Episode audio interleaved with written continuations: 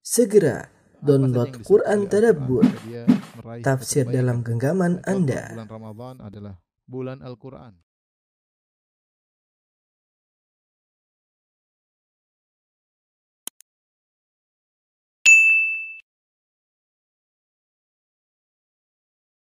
Bismillahirrahmanirrahim. Assalamualaikum warahmatullahi wabarakatuh. Alhamdulillahi ala ihsani wa syukru lahu ala taufiqihi wa amtinani. Asyhadu an la ilaha illallah wahdahu la syarika lahu ta'ziman li sya'ni wa asyhadu anna Muhammadan abduhu wa rasuluhu da'ila ridwani. Allahumma salli alaihi wa ala alihi wa ashabihi wa ikhwani.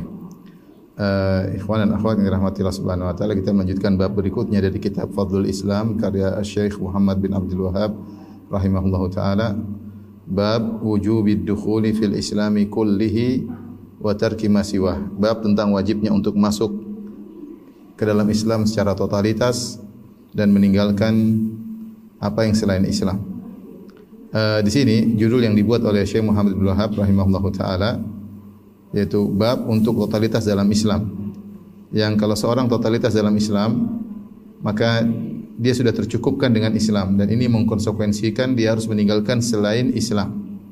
Ya karena Islam sudah diturunkan oleh Allah dan diterangkan oleh Nabi sallallahu alaihi wasallam secara komprehensif maka seluruh perkara yang terkait dengan agama maka sudah dijelaskan dalam Islam sampai adab-adab yang detail adab makan, adab minum, adab adab buang hajat, adab uh, bersenggama dengan istri ya dijelaskan dengan detail.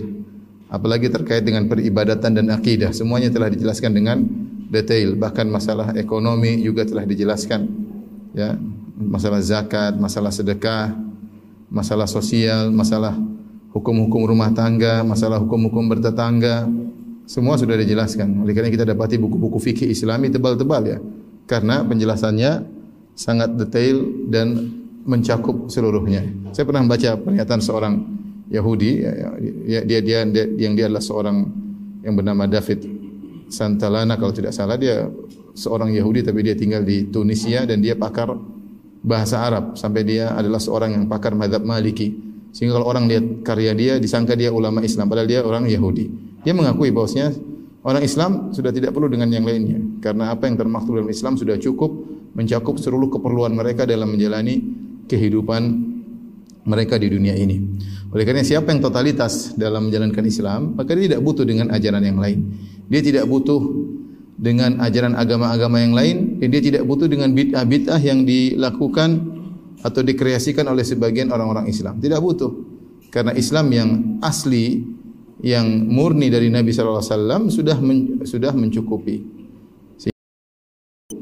Ditambah dengan ajaran-ajaran agama lain atau ditambah dengan kreasi-kreasi orang-orang yang berkreasi dengan membuat bid'ah-bid'ah yang mereka sebut dengan bid'ah hasanah. Tidak perlu. Makanya ketika bab ini dibuat bab wujubid dukhul fil Islam kullihi bab wajib untuk bertotalitas dalam berislam wa tarki masiwa dan kewajiban untuk meninggalkan selain Islam inilah konsekuensi dari totalitas dalam berislam.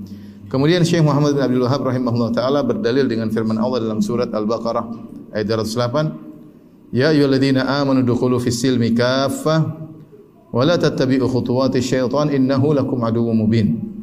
Kata Allah Subhanahu wa taala wahai orang-orang yang beriman masuklah kalian ke dalam Islam secara kafah, secara totalitas, secara keseluruhan. Wa la tattabi'u khutuwati syaitan dan janganlah kalian mengikuti langkah-langkah syaitan sungguhnya innahu lakum aduwwum mubin. Sungguhnya syaitan adalah musuh yang nyata bagi kalian. Perhatikan di sini Allah Subhanahu wa taala berfirman ya ayyuhalladzina amanu wahai orang yang beriman udkhulu fis silmi. As-silmi ada uh, dua pendapat as-silmi ya. As-silmi ada yang mengatakan dari al-musalamah. Al-musalamah itu uh, berdamai secara bahasa ya. Atau as-silmi maksudnya adalah al-istislam, menyerahkan diri. Al-istislam menyerahkan diri maksudnya al-islam. Ya, kalau kita artikan asilmi, masuklah kalian ke dalam silmi yaitu masuklah kalian dalam perdamaian maksudnya sebagaimana perkataan Tahir bin Ashur dalam kitabnya Tahrir wa Tanwir, maksudnya masuklah kalian dalam perdamaian bersama Allah. Itu jangan kalian cari masalah dengan Allah dengan membangkang perintahnya dengan maksiat kepadanya. Karena siapa yang bermaksiat kepada Allah maka sungguhnya dia menyatakan peperangan kepada Allah Subhanahu wa taala. Allah berkata kepada orang-orang yang praktisi riba, kata Allah Subhanahu wa taala, "Fa'dhanu biharbim min Allah." Hendaknya mereka ya uh, mengetahui adanya peperangan ya dari Allah Subhanahu wa taala. Nyatakan perang terhadap mereka. Siapa yang makan riba berarti dia berperang dengan Allah Subhanahu wa taala.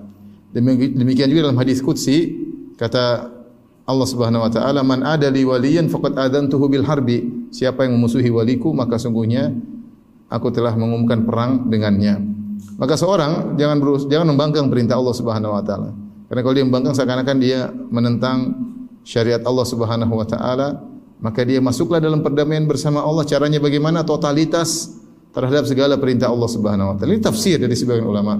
Namun kebanyakan ulama menafsirkan as-silmi dengan al-Islam. Ini yang dipilih oleh At-Tabari rahimahullahu taala, Ibnu Jarir At-Tabari dalam tafsirnya mengatakan as-silmi adalah al-Islam. Ai yakni ya ayyuhalladzina amanu wahai orang yang beriman udkhulu fis silmi kafah masuklah kalian ke dalam Islam kafah. Kafah artinya ammah, artinya totalitas. Kafah artinya totalitas. Masuklah kalian dalam Islam secara totalitas. Setelah itu wala tattabi'u khutuwati syaitan, kelaziman dari kalian mengikuti Islam secara totalitas, maka janganlah kalian mengikuti langkah-langkah syaitan. Sungguhnya syaitan adalah musuh bagi kalian yang yang nyata. Saya bacakan perkataan Ibu Jarir At-Tabari untuk menjelaskan perkataan Syekh Muhammad bin Abdul Wahab rahimahullah taala dan bagaimana Syekh mengambil istinbat hukum bahwasanya ini bukan kreasi beliau tapi ini beliau mengambil dari perkataan para ulama yaitu Ibnu Jarir At-Tabari yang tidak salah di abad ketiga atau abad keempat ya. Yang dikenal dengan Imamul Mufassirin, yaitu uh, imamnya para ahli tafsir. Beliau berkata, saya bacakan, yakni Jalla thana'uhu bidzalik maksud Allah dengan ayat ini Allah berfirman I'lamu ayyuhal mu'minun i'malu ayyuhal mu'minun bi syara'il islami kulliha Wahai orang-orang beriman sekalian, beramalah dengan syariat Islam secara totalitas, secara keseluruhan. Wadkhulu fit tasdiqi bihi qawlan wa amalan. Dan masuklah kalian dalam membenarkan Islam baik secara perkataan maupun secara perbuatan. Kalau kalian membenarkan Islam secara perkataan, benarkanlah pula Islam dengan perbuatan dengan mempraktikkan Islam secara totalitas. Wada'u tara'iqa syaitan wa atharahu. Dan tinggalkanlah jalan-jalan syaitan dan uh, jejak-jejaknya. Anta tabi'uha, jangan sampai kalian mengikuti langkah-langkah syaitan adapun mengikuti langkah jejak-jejak langkah-langkahnya. Fa innahu lakum aduwwum mubin karena syaitan adalah musuh yang nyata bagi kalian. Kemudian beliau berkata, wa tariqu syaitan alladzi nahahum an yattabi'uhu huwa ma khalafa hukmal Islam wa syara'i'ahu. Dan jalan syaitan yang Allah melarang kaum mukminin untuk mengikuti jalan syaitan. Apa itu jalan syaitan? Itu seluruh perkara yang menyelisihi syariat Islam. Seluruh perkara yang menyelisih Islam dan menyelisih syariat Islam semuanya langkah syaitan. Apapun yang menyelisih syariat Islam itu langkah syaitan. Wa minhu di antaranya tasbitus sabti memuliakan hari Sabtu sebagaimana kebiasaan orang-orang Yahudi. Wa sairi sunani ahli milal. Demikian juga kebiasaan-kebiasaan tradisi-tradisi penganut agama-agama yang lain allati tukhalifu millatal Islam yang menyelisih agama Islam. Di sini uh, Ibnu Jarir At-Tabari ketika dalam tafsirnya beliau menjelaskan konsekuensi dari totalitas dalam berislam adalah konsekuensinya meninggalkan langkah-langkah syaitan ya. Konsekuensi totalitas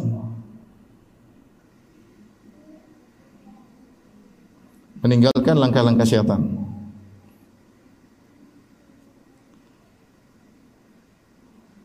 Nah, langkah-langkah syaitan beliau tafsirkan di antaranya adalah yaitu semua yang menyelisih syariat, semua yang menyelisih syariat. Menyelisih syariat. Di antaranya adalah jalan-jalan umat-umat terdahulu, yaitu sunnah-sunnah atau ajaran-ajaran ya umat-umat terdahulu. Semua ajaran mereka tidak perlu kita ikuti karena Islam sudah sempurna. Kata Allah Subhanahu wa taala, "Al-yauma akmaltu lakum dinakum." Pada hari ini telah aku sempurnakan bagi kalian agama kalian. Untuk beribadah sudah sempurna. Enggak perlu niru-niru agama yang lain. Untuk berakidah juga sudah sempurna. Meyakini tentang Allah sudah sempurna, enggak perlu kita buka buku-buku agama yang lain. Tidak perlu kita mengikuti uh, ajaran-ajaran Yahudi, tidak perlu kita mengikuti ajaran-ajaran Nasara, apalagi filsafat, apalagi Hindu, Buddha, tidak perlu. Islam sudah sempurna dalam menjelaskan akidahnya dan Islam sudah sempurna dalam menjelaskan peribadatannya. Taib Allah Subhanahu wa taala berfirman Ya ayyuhalladzina amanu dukhulu fis silmi kafah wahai orang yang beriman masuklah kalian ke dalam Islam secara totalitas. Jangan sampai kalian ketika masuk Islam memilih-milih mana yang sesuai hawa nafsu diikuti yang tidak sesuai ditinggalkan. Seperti sebagian kita seperti itu ketika menjalankan Islam yang ini cocok dengan tujuan duniawi saya maka saya lakukan. Yang ini tidak cocok dengan pekerjaan saya tidak cocok dengan duniawi saya maka saya tinggalkan. Jadi dia memilih Islam sesuai dengan hawa nafsu. Ini tidak boleh kita tundukkan hawa nafsu kita kepada Islam. Ya. Bukan Islam yang kita suruh beradaptasi dengan hawa nafsu kita. Atau sebagian orang yang mengatakan Islam saya ikuti karena sesuai dengan tradisi tradisi saya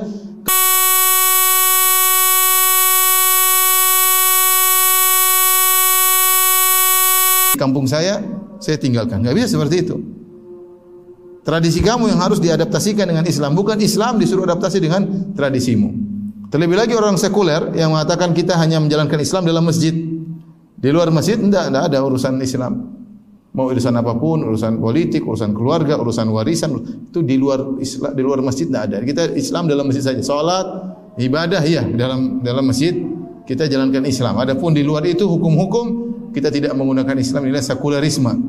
Ini semua model-model tidak berislam secara totalitas, tidak berislam secara totalitas. Oleh karenanya uh, Syekh Muhammad bin Wahab rahimahullahu taala ya menjelaskan di antara bentuk tidak totalitas dalam berislam yaitu meninggalkan syariat Islam. Ini sangat berbahaya. Meninggalkan syariat Islam. Makanya setelah itu beliau bawakan firman Allah wa qaulihi ta'ala dan firman Allah Subhanahu wa taala alam tara ila alladhina yaz'umuna annahum amanu bima unzila ilaika wa ma unzila min qablik? Yuriduna ay yatahakamu ila tagut ya. Kata Allah Subhanahu wa taala tidakkah engkau lihat kepada orang-orang yang menyangka bahwasanya mereka beriman kepada apa yang Allah turunkan kepadamu dan apa yang Allah turunkan kepada sebelummu? Yuriduna ay yatahakamu ila tagut mereka ingin berhukum kepada tagut ya Wa qad umiru ay yakfuru bih. Padahal mereka telah diperintahkan untuk kufur kepada tagut. Ayat ini turun tentang orang-orang yang tidak mau berhukum dengan hukum Islam. Dia menyangka mengaku dia Islam. Dia mengangkat dia dia mengaku dia beriman kepada Al-Qur'an bahkan dia mengaku beriman kepada kitab-kitab yang diturunkan sebelumnya tetapi ketika disuruh untuk berhukum dia tidak mau dia ingin berhukum kepada hukum tagut maksudnya hukum tagut hukum selain Allah Subhanahu wa taala maka di antara bentuk tidak totalitas dalam berislam adalah tidak mau menjalankan syariat Islam. Dan itu masih menimpa banyak di antara kaum muslimin ya. Yang tidak mau menjalankan syariat Islam. Apalagi kalau sudah mengikuti pernyataan orang-orang liberal yang mengatakan Islam sudah tidak relevan lagi di zaman sekarang. Ini mengerikan. Islam sudah tidak bisa diterapkan lagi di zaman sekarang. Kalau diterapkan maka menimbulkan mudarat, akan menimbulkan kehancuran, akan menimbulkan kemunduran, Berbagai macam celotehan mereka yang mereka sampaikan mereka tidak percaya dengan syariat Allah Subhanahu wa taala. Sungguh menakjubkan ya ikhwan wa akhwat. Saya saya sering sampaikan, Allah Subhanahu wa taala diyakini oleh orang-orang kafir ketika mereka melihat aturan di langit bagaimana bumi pada orbitnya, bagaimana matahari pada orbitnya, bagaimana rembulan pada orbitnya, bagaimana bintang-bintang pada orbitnya berjalan. Wa kullun fi falakin yasbahun. Masing-masing berjalan sesuai orbitnya. Matahari tidak pernah terlambat dalam terbitnya matahari tidak pernah terlambat dalam terbenamnya. Jaraknya tidak pernah mendekat selalu tepat pada waktunya. Rembulan pun demikian. Dengan jutaan dengan jutaan bintang-bintang dengan berbagai macam galaksi bisa berjalan teratur selama mungkin jutaan tahun menurut perkataan orang-orang non muslim mereka yakin bahwasanya ada zat yang maha kuasa yang menurunkan sistem hukum alam sunnatullah yang luar biasa sehingga bisa menjalankan peredaran benda-benda langit jutaan tahun dengan stabil dan bagus. Padahal begitu kompleksnya berbagai macam benda-benda tersebut. Masing-masing punya gravitasi sendiri. Tapi bagaimana Allah susun sehingga bisa berjalan dengan teratur masing-masing pada orbitnya. Kita bicara tentang hukum langit. Kita bicara tentang hukum dunia, enggak usah jauh-jauh. Di dunia ini banyak sekali ciptaan ciptaan Allah yang menakjubkan. Contoh Allah mengatakan wa fi anfusikum afala tubsirun. Dan pada diri kalian tidak kalah kalian lihat. Kita saja kalau merenungkan tentang bagaimana organ pernapasan, bagaimana sistem peredaran darah dalam tubuh kita ya. Luar biasa. Tanyakan kepada bagaimana sistem penglihatan, bagaimana berapa banyak saraf ya yang Allah ciptakan di mata, luar biasa. Yang semuanya menakjubkan. Artinya manusia ini untuk bisa berjalan kompleks sekali, detail sekali, onderdil dalam manusia ini luar biasa. Bagaimana saraf, bagaimana sistem otak, bagaimana luar biasa. Ini tidak ada yang bisa ciptakan kecuali zat yang maha hebat. Dan begitu pula lihatlah kepada makhluk-makhluk yang lain. Ya, Allah mengatakan, "Ya ayuhan nasu duriba mathalun fastami'u lah. Innal ladzina tad'una min dunillahi la yakhluqu dzubaban wa yajtama'u lah." Wahai manusia sekalian, dibuat perumpamaan bagi kalian, ya, maka dengarkanlah. Sungguhnya yang kalian sembah selain Allah tidak mampu menciptakan meskipun hanya seekor lalat, meskipun mereka bersatu padu untuk menciptakan seekor lalat, mereka tidak mampu. Lalat dengan hewan yang hina tersebut, tetapi sistemnya sempurna. Dengan mata fasetnya, dengan gerakannya, sempurna masuk dalam ekosistem suatu eh, yang ada di, di atas muka bumi. Luar biasa. Kita enggak usah bicara bicara lalat saja, enggak ada yang bisa ciptakan lalat. Artinya, sun Allahillati alladhi atqana kulla syai' demikianlah ciptaan Allah yang profesional dalam segala ciptaannya. Banyak orang mengaku bahwasanya ciptakan makhluknya sistem dengan sunnatullah yang berjalan di atas muka bumi dengan sistem hujan dengan sistem udara ini semua siapa yang bisa ciptakan Allah Subhanahu wa taala kalau kamu sudah yakin Allah begitu hebat menjalankan sistem langit Allah begitu hebat menjalankan sistem bumi ketika Allah turunkan sistem untuk kamu hukum-hukum Allah yang kamu itu ciptaan Allah, yang langit ciptaan Allah, yang bumi ciptaan Allah. Allah yang tahu lebih relevan apa yang lebih relevan buat kamu sampai hari kiamat Allah turunkan Al-Quran kamu tidak terima subhanallah bagaimana kau mengakui bahwasanya Allah hebat dalam menciptakan semua sistem ini ketika Allah tawarkan suatu sistem kehidupanmu dengan menurunkan syariatnya engkau tidak mau yuriduna ayatahakamu ila tagut mereka meninggalkan syariat Islam mereka ingin menjalankan syariat selain Allah Subhanahu wa taala afa hukmal jahiliyah yabghun apakah mereka mencari hukum jahiliyah meninggalkan Apakah mereka mau menyaingi hukum produk Tuhan? Mereka dengan produk mereka sendiri? Ya. Apa yang terjadi? Kekacauan. Sistem kekacauan. Terjebak dalam lingkaran setan. Yang terjadi. Nanti ah, dibikin hukum, kemudian direvisi, kemudian dirubah lagi. Allah sudah turunkan paket tinggal dijalankan, namun manusia tidak mau menjalankan. Padahal mereka tahu itu yang turunkan Allah Subhanahu wa taala. Tuhan yang menciptakan mereka, yang lebih tahu tentang kemaslahatan mereka yang tahu kompleksnya kehidupan ini. Allah bukan cuma tahu tentang kamu, Allah tahu tentang alam semesta. Allah akan tahu apa yang akan terjadi di kemudian hari. Kemudian kau tidak menerima hukum Allah Subhanahu wa taala. Oleh karenanya di antara bentuk tidak totalitas dalam berislam enggan menjalankan syariat Allah Subhanahu wa taala. Ya. Mereka berharap keadilan sementara mereka membuat hukum yang tidak adil yang selalu berpihak kepada sebagian pihak yang tidak adil kepada seluruh manusia. Taib. Kemudian beliau bawakan firman Allah yang lain wa qaulihi ta'ala dan firman Allah Subhanahu wa ta'ala. Innal ladzina farraqu dinahum wa kanu syi'an lasta minhum fi syai'. Sungguhnya orang-orang yang memecah belah agama mereka dan mereka menjadi berkelompok-kelompok. Lasta minhum fi syai' maka tidak ada kaitanmu dengan mereka sama sekali. Kau tidak punya pertanggungjawaban kepada mereka sama sama sekali. Syekh Muhammad bin Abdul Wahab rahimahullah taala membawakan ayat ini untuk menjelaskan bahwasanya di antara konsekuensi tidak totalitas adalah mengikuti jalan-jalan orang-orang ahlul kitab terdahulu ya. Ahlul kitab terdahulu. Jalan-jalan Nasara, jalan-jalan Yahudi yang mereka tercerai-berai ya. Innal ladzina farraqu dinahum wa kanu syi'an. Orang-orang yang memecah belah agama mereka, jadilah mereka berkelompok-kelompok. Ini adalah jalan-jalannya orang-orang e, terdahulu. Siapa yang mengikuti ajaran umat-umat terdahulu atau ajaran agama-agama lain, maka dia tidak akan totalitas ya.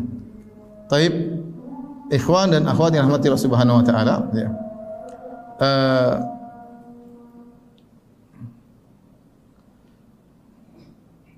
konsekuensi dari tadi sudah kita sebutkan dari dari totalitas dalam berislam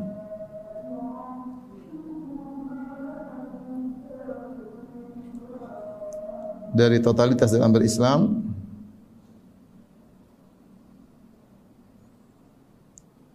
adalah apa? Dua ya. Pertama, meninggalkan meninggalkan ajaran-ajaran selain Islam dari agama-agama lain. Kita enggak butuh ya. Tidak boleh kita mengikuti ajaran agama-agama. Makanya sudah pernah kita sampaikan ketika Umar bin Khattab radhiyallahu anhu mendapatkan lembaran Taurat. Kemudian dia baca, maka Rasulullah SAW pun menegur. Kata Rasulullah SAW, Atu amutahawikuna anta ya ibn al-Khattab. Apa kau ragu? Apa kau terburu-buru wahai Umar? Ya. Kemudian Rasulullah SAW mengatakan, "Lau kana Musa hayyan ma wasi'u ila tibai." Kalau Nabi Musa masih hidup, jangankan Tauratnya, Nabi Musanya masih hidup, dia akan menjadi pengikutku. Dia akan menjadi pengikutku. Ya tidak tidak perlu engkau mencari petunjuk dari selain Al-Qur'an enggak perlu. Al-Qur'an dan Sunnah sudah cukup. Sudah banyak kita bisa hidup dengan Al-Qur'an dan Sunnah, tidak butuh dengan ajaran yang yang lain. Makanya Rasulullah SAW melarang kita mengikuti jalan-jalan umat-umat terdahulu. Ya. Rasulullah SAW melarang. Jadi di antara konsekuensi dari totalitas dalam berislam meninggalkan ajaran-ajaran agama lain. Ajaran agama lain seperti apa? Contoh. Seperti ajaran Yahudi. Yahudi. Ajaran-ajaran Nasara. Kemudian misalnya ajaran-ajaran Yunani ya. Tentang teologi, ajaran maksudnya uh, Plato, Aristoteles dengan Plotinus. Ini semua ajaran bicara tentang teologi ngawur ya. Namun banyak kaum muslimin yang belajar akhirnya terpengaruh terjebak dengan akidah akidah mereka. Kita enggak butuh ajaran ajaran Yunani, kita enggak butuh ajaran Nasrani, kita enggak butuh ajaran Yahudi. Apalagi apalagi ajaran agama-agama yang lain ya. Agama-agama non samawi. Agama-agama non samawi. Sedangkan agama-agama samawi saja yang dulunya samawi Yahudi Nasrani kita enggak boleh kita enggak boleh ikut apalagi agama ajaran agama-agama non non samawi. Harus ditinggalkan seluruhnya agar kita bisa bertotalitas. Kapan kita mengambil ajaran mereka maka ada syariat Islam jadi tumbal. Enggak mungkin. Jadi sudah sempurna. Kalau kita isi dengan yang lain maka ada yang berkurang, harus berkurang. Sudah 100% Islam semua. Kita mengambil ajaran Yahudi harus ada persen yang keluar dari Islam. Jadi ada yang ditumbalkan dalam syariat Islam untuk diganti dengan syariat agama yang agama yang lainnya. Kemudian yang kedua konsekuensi dari totalitas dalam menjalankan Islam adalah meninggalkan ya, bid'ah-bid'ah dalam agama. Karena kita enggak butuh bid'ah, agama sudah sempurna, ngapain kita kreasi lagi, kreasi dalam akidah, kreasi dalam ibadah enggak perlu. Sekarang muncullah berbagai macam bid'ah-bid'ah tentang akidah, meyakini Allah begini, meyakini Allah begitu, meyakini Nur Muhammad, Muhammad SAW tercipta dari Nur Allah. Ini syirik, enggak boleh. Rasulullah SAW makhluk, bukan tercipta dari Nur Muhammad, dari Nur Allah. Sampai ada yang meyakini Nur Muhammad apa azali sebagaimana Nur Muhammad. Seakan-akan Nur Muhammad adalah potongan dari zat Allah. Ini syirik. Orang berlebih-lebihan kepada Nabi sallallahu alaihi wasallam. Kita enggak butuh ajaran-ajaran seperti itu. Yang sumber pemikiran seperti itu diambil dari uh, Plotinus yang memiliki keyakinan al-faidul ilahi. Curahan zat Allah Subhanahu wa taala yang diteruskan oleh Farabi, Ibnu Sina dan yang lainnya. Kita enggak butuh ajaran seperti itu. Lihatlah bagaimana orang berbicara tentang bid'ah akidah seperti Ibnu Arabi yang meyakini bahwasanya Allah bersatu dengan makhluknya. Ini semua dari mana? Ini tidak ada Rasulullah pernah menjelaskan seperti ini. Sehingga akhirnya orang terjebak dengan bid'ah-bid'ah, baik bid'ah akidah maupun bid'ah.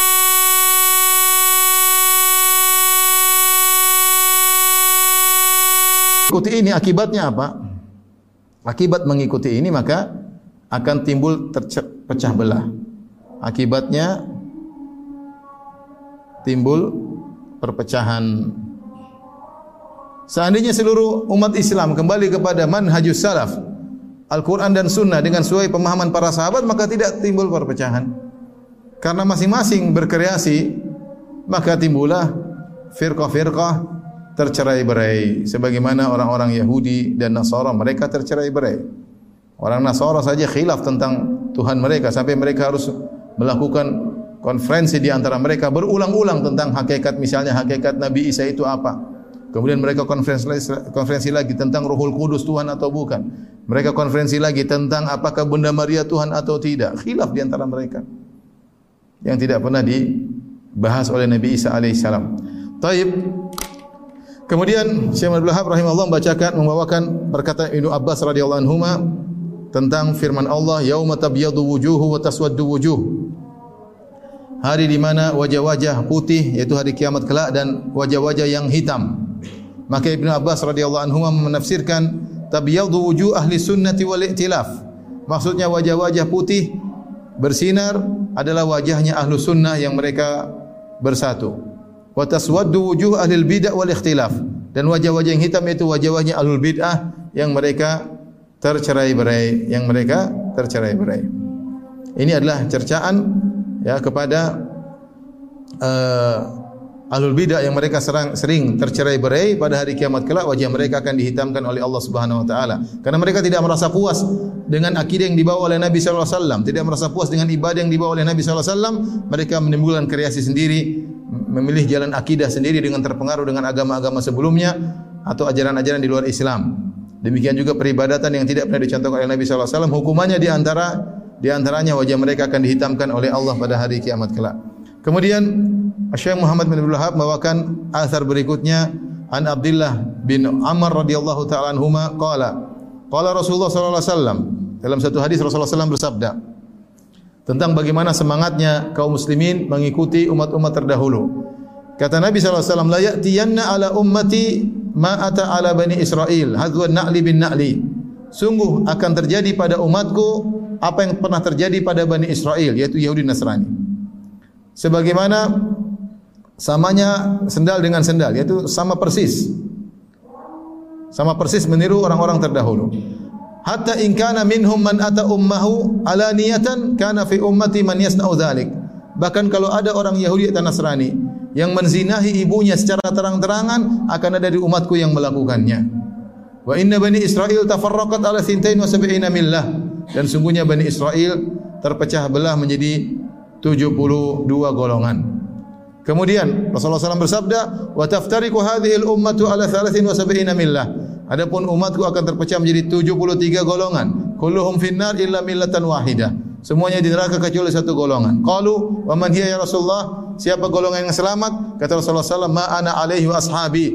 Itu jalan yang aku dan para sahabatku berada di atasnya. Ini jalan selamat. Sederhana ya. Kita Islam dari Nabi dari para sahabat ya sudah ikut jalan itu. Ngapain bikin jalan-jalan baru? Sederhana. Hadis riwayat Tirmizi. Hadis ini menjelaskan bagaimana semangatnya kaum muslimin dalam meniru orang-orang terdahulu. Sampai Rasulullah SAW dalam satu hadis mengatakan, "La tattabi'unna sanana man kana qablakum, shibran shibran siraan ziraan, hatta la dakhal hatta law dakhalu juhra dabbin la dakhaltumuh." Kata Nabi SAW, sungguh Kalian akan mengikuti tradisi-tradisi ajaran-ajaran umat-umat terdahulu. Sejengkal sama dengan sejengkal, ziraan, ziraan. Itu sama persis. Sampai kalau ada di antara mereka, sampai kalau mereka masuk dalam lubang dob, kalian pun akan masuk dalam lubang tersebut. Artinya Rasulullah SAW menjelaskan bagaimana semangatnya kaum muslimin untuk meniru umat-umat terdahulu. Sampai kalau ada yang masuk dalam lubang, dob itu adalah hewan, apa namanya, kadal gurun. kadal gurun, ya kadal gurun ya. Yang kadal gurun tersebut memiliki lubang, dia punya lubang masuk, lubang keluar. Lubangnya berkelok-kelok. Ya, mungkin lubang keluar mungkin lurus, tapi dia lubangnya berkelok-kelok. Ya. Masuk kemudian lurus, kemudian naik lagi, lurus lagi. Susah. Dan lubangnya kecil. Kalau seandainya ada Yahudi atau Nasrani yang masuk lubang tersebut akan ada orang Islam yang mengikutinya. Bagaimana semangat orang Islam mengikuti umat terdahulu? Ajaran-ajaran mereka diikuti. Subhanallah. Kalau orang-orang Nasara mengatakan Allah bersatu dengan Nabi Isa, maka orang Islam ada yang lebih parah. Ibn Arabi mengatakan Allah bersatu dengan seluruh makhluknya. Al-Halaj mengatakan ada Tuhan dalam diriku, subhanallah. Kalau orang Nasara hanya mengkhususkan penyatuan Tuhan dengan Nabi Isa, maka ada orang Islam lebih parah. Bukan hanya dibatasi dengan Nabi Isa, bahkan dibatasi Allah bersatu dengan wali-wali, Allah bersatu dengan makhluk, lebih parah daripada ajaran apa? Nasara. Lebih parah daripada ajaran Nasara. Ya. Sampai Nabi menjelaskan, ya. Seandainya ada dari mereka yang mendatangi ibunya dizinai siang-siang di, di hadapan orang, maka ada dari umatku yang melakukannya. dan saya dulu saya pikir bagaimana mungkin ternyata sekarang mungkin. Lihat tontonan-tontonan yang orang-orang lihat. Film berita kemarin bagaimana seorang wanita berzina anaknya sendiri. Kan nonton film yang tidak benar. Hasrat akhirnya eh, ibu sama anaknya berzina. Subhanallah terjadi. Yang dulu saya pikir tidak mungkin terjadi. Kenapa? Dengan tontonan. Dia meniru tontonan tersebut. Sehingga terjadi kelainan seks, kelainan sehingga mungkin kalau dia ingin berzina di depan umum dia baru merasa puas, dia akan melakukan. Kenapa tontonan? Kalau mungkin dulu kita gimana mungkin sekarang mungkin terjadi dan sudah terjadi. Saya berita di Indonesia seorang ibu berzina dengan anaknya sendiri. Sama-sama nonton film enggak benar kemudian berzina. Ditangkap oleh oleh masyarakat. Subhanallah. Ya. Oleh karenanya, ya, semangatnya kaum muslimin mengikuti sunnah-sunnah umat ter, umat terdahulu. Apalagi kaum muslimin banyak merasa melihat orang-orang Yahudi Nasara adalah orang-orang yang hebat, yang maju, kemudian diikuti segalanya. Diikuti segalanya. Tidak punya jati diri. Merasa Islam keterbelakangan. Sehingga ketika melihat orang-orang yang seperti ini maka mereka semangat mengikuti. Taib di antara hal yang diikuti oleh orang-orang Islam kepada orang-orang ahlul kitab adalah perpecahan adalah perpecahan. Kenapa bisa terpecah? Karena tidak totalitas dalam beragama. Mengambil akidah dari ajaran-ajaran selain Islam.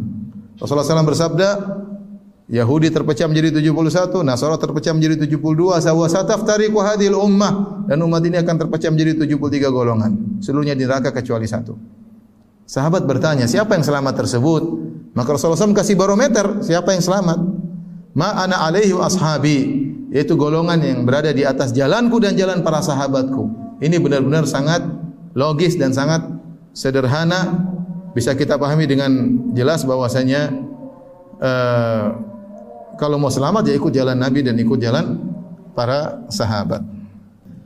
Bismillah, ikhwan dan akhwat yang rahmati Allah Subhanahu wa taala. Rasulullah SAW memberikan jalan yang mudah untuk selamat yaitu untuk totalitas adalah mengikuti ajaran Nabi sallallahu alaihi wasallam dan para sahabat.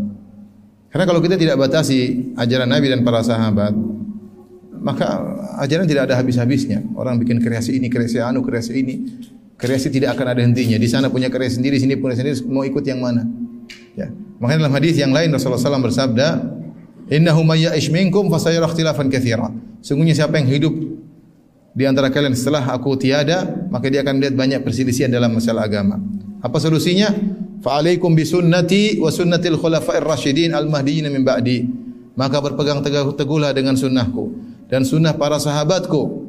Adhu 'alaiha bin nawajid. Gigitlah dengan geraham kalian. Wa iyyakum muhdatsatil umur. Dan waspada kalian daripada perkara-perkara yang baru dalam agama. Fa inna kulla bid'atin dhalalah. Karena setiap bid'ah adalah sesat. Ya. Imam Al-Imam Malik berkata, Faman lam yakun yauma idzin dinan walan falan yakun al yauma dinan. Apa yang di zaman Nabi wasallam bukan bukan agama, maka zaman sekarang tidak bakalan menjadi agama. Tidak mungkin. Kalau ada sesuatu di zaman Nabi bukan agama, sekarang dianggap agama, maka Nabi dan para sahabatnya tidak tahu agama tersebut. Berarti Allah telah menyembunyikan keutamaan hal tersebut tidak dilakukan oleh Nabi, tidak diyakini oleh Nabi, tidak dilakukan oleh para sahabat, tidak dilakukan oleh tabi'in, kemudian Allah simpan, Allah berikan kepada umat belakangan. Kelonsuhnya demikian. Maka kaidah yang disebutkan oleh Nabi jelas. Apa itu jalan selamat? Ma'ana alaihi wa ashabi al-yaum. Yaitu jalan yang aku dan para sahabatku tempuh. Sudah, jangan cari macam-macam tentang Islam. Nabi lakukan, sahabat lakukan, lakukan jika tidak tidak. Dan itu kaidah ditekankan oleh Imam Malik. Kata Imam Malik rahimahullah taala, "Faman lam yakun yauma idzin dinan falan yakun al yauma dina." Apa yang di zaman Nabi bukan agama, zaman sekarang juga bukan agama. Maka aneh. Di zaman kita ini perkara yang dianggap agama bahkan dianggap wajib. Kalau kita tidak melakukannya kita dihina, dicerca. Sementara Nabi dan para sahabat tidak ada yang melakukan. Apakah kan lebih merasa baik daripada Nabi dan para sahabatnya? Perkara itu baik atau tidak? Kalau itu baik, kenapa Nabi dan para sahabatnya tidak tahu dan tidak pernah melakukannya? Terus kamu tahu sekarang. Logika sangat sederhana. Seperti logika inilah yang merasa bisa melakukan kebaikan-kebaikan meski tidak dilakukan oleh Nabi dan para sahabat yang menyebabkan terjadi perpecahan. Masing-masing berkreasi. Timbullah namanya Rafidah, timbullah namanya Khawarij, timbullah namanya Mu'tazilah, timbullah namanya Murji'ah. Kemudian mereka tercerai berai menjadi berbagai macam kelompok dan pemikiran-pemikiran mereka masih terwarisi sampai sampai sekarang. Jalan Islam untuk totalitas mudah, totalitas totalitaslah dalam berislam dengan mengikuti Islamnya Nabi dan para sahabat. Selesai, mudah. Oleh kerana ketika Imam Ahmad bin Hambal mendebat Ahmad bin Abi Duat, seorang tokoh Mu'tazilah yang memaksa orang-orang untuk mengatakan Al-Quran itu makhluk. Imam Ahmad mendebat di depan khalifah. Kata Imam Ahmad, "Wahai fulan, kau mengatakan harus mengatakan Al-Quran itu makhluk bukan sifat Allah. Apakah perkara ini pernah disuruhkan oleh Nabi Muhammad SAW?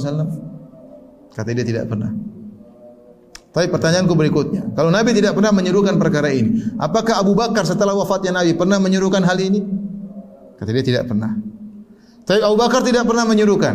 Umar, Uthman, Ali bin Abi Thalib pernah menyuruhkan suara ini kepada umat bahwasanya Al-Quran itu makhluk? Kata dia tidak pernah. Nah kalau Nabi dan para sahabat tidak pernah menyuruhkan, kenapa kau serukan kepada umat? Kalau kita mau terapkan ini banyak sekali, kita bisa bantah akidah-akidah yang menyimpang. Apakah akidah ini pernah disuruhkan Abu Bakar dan Umar? Enggak pernah, ya sudah ngapain kita meyakini hal tersebut. Demikian juga ibadah-ibadah yang menyimpang. Ibadah ini pernah dilakukan oleh Abu Bakar dan Umar atau tidak? Mana yang lebih mengerti tentang ajaran Rasulullah SAW? Mana yang lebih cinta kepada Nabi SAW? Kamu apa Abu Bakar yang rela mengorbankan jiwa dan raganya, yang berinfak dengan seluruh hartanya untuk Nabi SAW? Apakah dia kurang cinta kepada Nabi? Lantas apakah dia mengerjakan hal tersebut atau tidak? Kalau dia tidak pernah kerjakan, bagaimana kau mengerjakan yang tidak pernah dikerjakan oleh Abu Bakar? Apakah luput dari Abu Bakar kemuliaan yang tidak luput kepadamu? Logika sederhana. Kalau kita berpegang teguh dengan manhaj Nabi, melakukan apa yang dilakukan Nabi dan para sahabatnya tidak ada perpecahan. Tapi ketika masing-masing berkreasi, maka timbullah perpecahan. Jadi perpecahan ini akibat dari tidak totalitas dalam beragama. Tidak totalitas dalam beragama. Kemudian Syekh Muhammad Abdul rahimahullah berkata, "Fal yata'ammal mu'min alladhi yarju liqa Allah kalam as-sadiq al-masduq fi hadzal maqam." Hendaknya seorang mukmin yang berharap untuk bertemu dengan Allah, hendaknya dia merenungkan tentang perkataan Nabi yang jujur dan dibenarkan dalam kondisi ini dalam pembahasan ini. Khususan qaulahu terutama sabda Nabi wasallam, "Ma ana alaihi wa ashabi." Jalan kebenaran adalah apa yang aku dan para sahabatku berada di atasnya. Sudah sederhana ya para sahabat yang paling mengerti tentang agama para sahabat yang dibimbing langsung oleh Allah Subhanahu wa taala para sahabat yang dibimbing langsung oleh Nabi sallallahu alaihi wasallam yang Allah telah berfirman tentang mereka kuntum khaira ummatin ukhrijat linnas. Kalianlah umat terbaik yang pernah Allah keluarkan bagi manusia. Yang Nabi wasallam pernah bersabda khairun nasi qarni. Sebaik-baik manusia adalah generasiku. Thumma alladziina yalunhum thumma alladziina yalunhum kemudian setelahnya dan setelahnya. Kalau mereka tidak pernah berakidah seperti ini dan mereka tidak pernah melakukan ibadah seperti ini maka tidak tidak usahlah kamu melakukan melakukannya. Kamu tidak akan bisa lebih baik daripada para sahabat. Oleh kerana ketika Ibnu Mas'ud dilaporkan oleh Ummu Salah Asy'ari, Ummu Salah Asy'ari melihat sekelompok orang di masjid. Mereka berzikir, ada satu pimpinannya berkata, Halilu mi'ah. Ini hadis riwayat yang hasan dalam Mustad Ad-Darimi.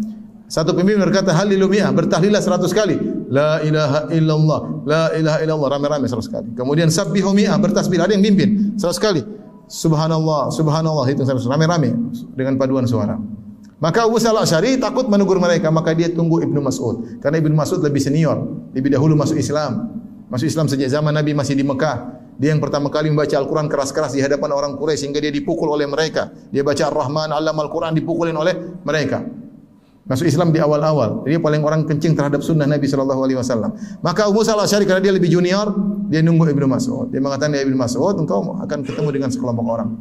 Maka Ibnu Mas'ud berjalan menuju masjid tersebut Ternyata dia melihat ada orang berzikir dengan cara seperti itu. Maka dia pun tegur.